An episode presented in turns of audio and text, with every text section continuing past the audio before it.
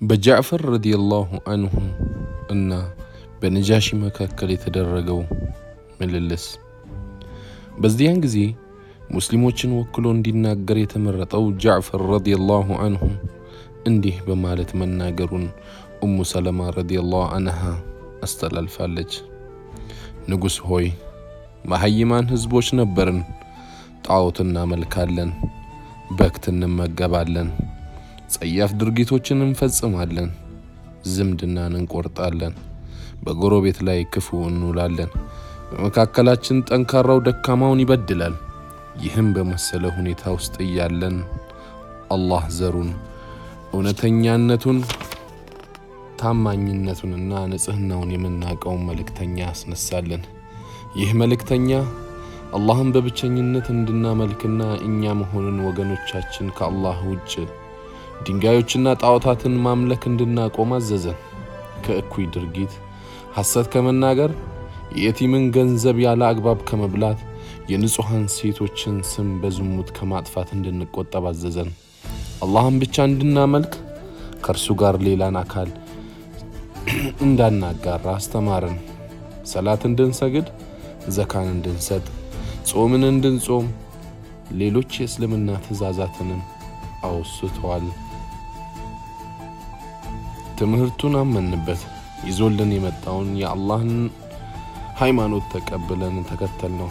እናም አላህን በብቸኝነት አመለክን። ከእርሱ ጋር ምንም ነገር ማጋራትን አቆም። እርም ያደረጋቸውን ነገሮች ከመፈጸም ታቀብን። የፈቀደንንም ብቻ ተጠቀምን።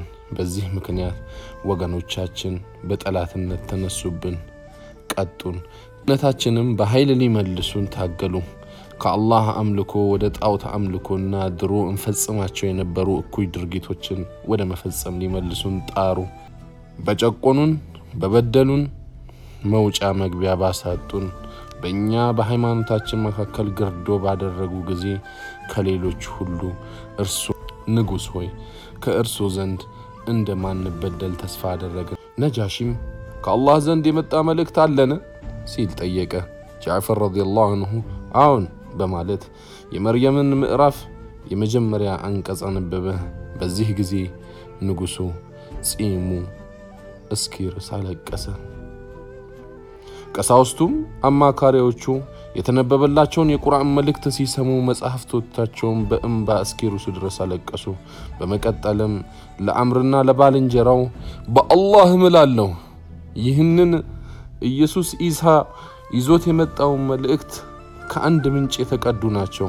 ሂዱ በአላህ እምላለሁ ለእናንተ አሳልፌ አልሰጣችሁም። አምርም ለአብዱላህ ኢብኑ ረባህ በአላህ እምላለሁ ነገ ጉዳቸውን የሚያጋልጥ ነገር እንናገራለን አለ። አብዱላህ ኢብኑ ረባህም እንዲህማ አታድርግ፣ ምንም እንኳን በእምነት ብንለያይም ወገኖቻችን ናቸው አለ። አምር ግን በውሳኔው ጸና። በቀጣዩ ሁለት ጠዋት ላይ አምር ለነጃሺ እንዲህ አለው፣ ንጉሥ ሆይ ስለ ኢየሱስ ኢሳ ሲሰሙት የሚከብድ ነገር ይናገራሉ። ነጃሺ ወደ ሙስሊሞች ስለ ኢየሱስ ኢሳ ምን ትላላችሁ በማለት መልእክት ላከባቸው። ሙስሊሞችም ደነገጡ። ቢሆንም ግን የሆነውም ቢሆን እውነቱን ለመናገር ተስማሙ። ወዲያው ከንጉሱ ዘንድ እንደገቡ ንጉሱ ፈጥኖ ጠየቃቸው። ጃዕፈርም ረዲየላሁ አንሁ ስለ ኢየሱስ ስለ ኢሳ የምናምነው ነቢያችን ሰለላሁ ዐለይሂ ወሰለም የነገሩንን ነው። ይኸውም ኢሳ ዐለይሂ ሰላም የአላህ ባሪያና መልእክተኛ መንፈስ ወደ ድንግሏ ማርያም ያኖረው ቃሉ ነው አለ። ነጃሺ ከመሬት ላይ ስንጥር እንጨት አነሳና እንዲህ አለ፣ በአላህ እምላለሁ ኢየሱስ ኢሳ አሁን ከተናገርከው የዝችን እንጨት እንኳን ታክል የተለየ አይደለም። በዚህ ጊዜ ቀሳውስቱ አጉረመረሙ። ነጃሺም ብታጉረመርሙም እውነቱ ይህ ነው አለ። ለሙስሊሞችም ሂዱ፣ በአገሬ ሰላም ተቀመጡ፣ የሰደባችሁ ይቀጣል፣ ከእናንተ በአንዳችሁ ላይ ጉዳት ከሚያደርስ ጋር የሚያክል ወርቅ ባገኝ የምወደውን አይደለሁም አላቸው። ከዚያም ባለሟሎቹ ስጦታቸውን ለመልእክተኞቻቸው መለሱላቸው። አልፈለጉም። በአላህ እምላለሁ እኔ በዚህ ጉዳይ ጉቦ እቀበል ዘንድ አምላኬ ንግስናዬን ሲመልስልኝ ከኔ ጉቦ አልተቀበለም። ሰዎችን በእርሱ ጉዳይ እታዘዝ ዘንድ እርሱ በእኔ ጉዳይ ማንንም አልታዘዝም አለ። ይህን ታሪክ የተረከችው ኡሙ ሰለማ ረዲየላሁ እንዲህ ብላለች። መልእክተኞቹ ያመጡትን ስጦታ ተሸክመው በውርደት ተመለሱ። እኛም ከነጃሺ ዘንድ በሰላም ተቀመጥን፣ ጥሩ ጎረቤትም